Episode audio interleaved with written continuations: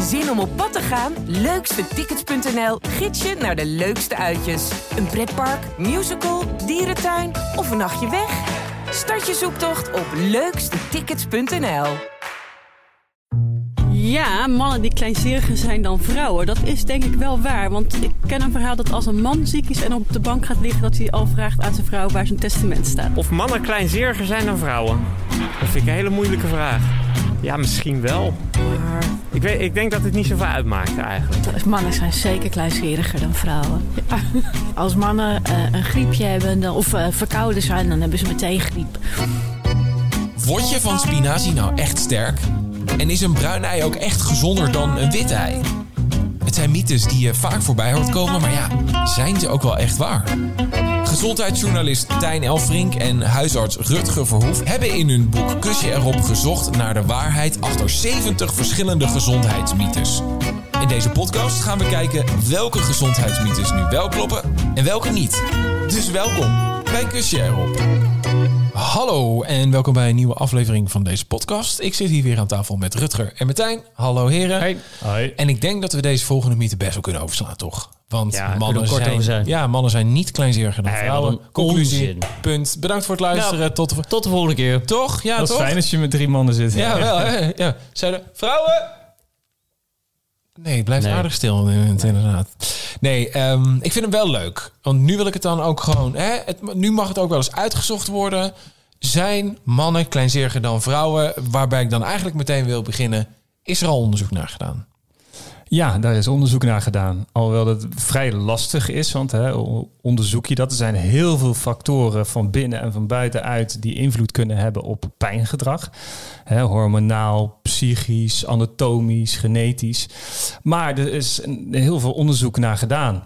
Wat kwam En daaruit? het, ja, het resultaat is eh, misschien wat minder voor de vrouwen, maar hè, dat zullen we zal ik wat meer uitleggen. Maar uit eh, de resultaten die eruit komen geven aan dat eh, vrouwen eerder pijnklachten hebben en een lagere pijntolerantie. Zo, bam.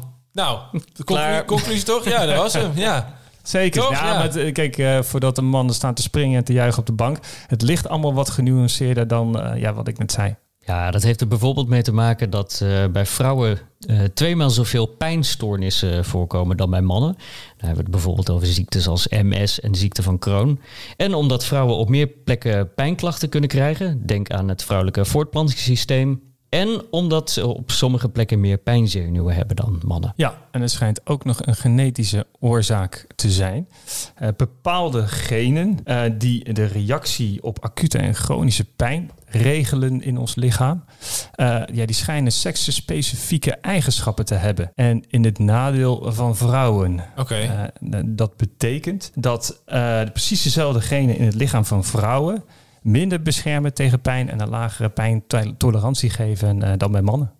Jij hebt een vriendin, hè, Rutger? Ja, Merk je een verschil in pijn tussen jezelf en hoe je vriendin pijn ervaart? Of onderzoek je dat als huisarts niet zo in een relatie?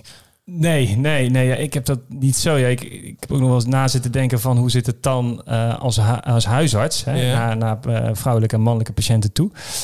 Nee, daar, heb, daar maak ik ook geen onderscheid, merk ik eh, bij mezelf. Wel in eh, pijngedrag. Dus hoe iemand eh, zijn pijn uit. Hè, als iemand gilt van de pijn, dan ben ik denk ik wat meer geneigd om te zeggen van... goh, wil je iets tegen de pijn? Ja. Dan als iemand daar stil zit en misschien wel veel pijn heeft. Dus Maar- daar ligt denk ik meer het verschil. Het blijkt ook dat artsen meer en sneller pijnstillers voorschrijven aan mannen dan aan vrouwen. Oh ja, is dat zo?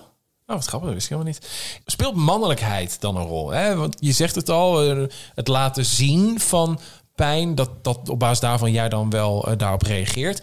Kan het dan zo zijn dat er door culturen of zo de trotsheid van een man of zo daarin in de weg zit? Dus dat een man minder snel laat zien dat hij dan pijn zou hebben? Ja, ja, zeker, zeker. Dat heeft natuurlijk ook wel eh, met opvoeding te maken. Hè? Mogelijk heb je dat zelf ook wel gemerkt van als je dan als klein jochie viel, dat, eh, nou, nou, mijn vader zei dat wel, van kom op, je bent een vent, sta op en Ja. loop door. Ja. Dus ik denk dat dat wel invloed heeft op hoe je ja, in je latere leven met pijn omgaat. En dat daar wel degelijk denk ik een verschil zit tussen man en vrouw. En daar kan ook nog een cultureel verschilletje tussen zitten. Ja, precies. En uit onderzoek blijkt dan ook nog wel dat eh oestrogeen, het vrouwelijke geslachtshormoon, ehm, dat, wat, dat dat wat meer een negatief effect heeft op de pijnervaring. En dat testosteron, hè, een mannelijke uh, geslachtshormoon, juist wat meer een beschermend effect heeft. Oké. Dus, conclusie. Ja, misschien is het een beetje dat mijn mannelijke trotsheid hier een beetje in baalt of zo. Want we kunnen niet echt concluderen dat het wel of niet zo is, toch? Het is niet zozeer bewezen dat mannen per se kleinzeriger zijn dan vrouwen.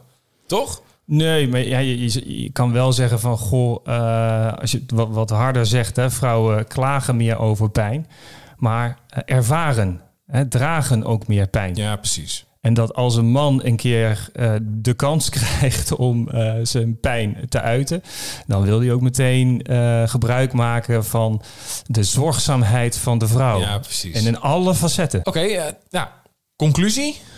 Het is niet zozeer zo dat mannen kleinzeriger zijn dan vrouwen. Het is meer dat vrouwen meer pijn kunnen ervaren in hun leven. Oké, dan uh, tot zover. Uh, heren, dankjewel. Wil je meer weten over mythes als nou, bijvoorbeeld meditatie werkt pijnstillend... of van hard werken ga je echt niet dood? Nou, check dan vooral even het boek. Dat heet ook Kusje erop. Uh, een link naar het boek, dat vind je in de beschrijving... of bij een boekhandel bij jou in de buurt. En abonneren op dit podcastkanaal vinden we ook hartstikke leuk. Ik zeg heren, bedankt. Graag gedaan.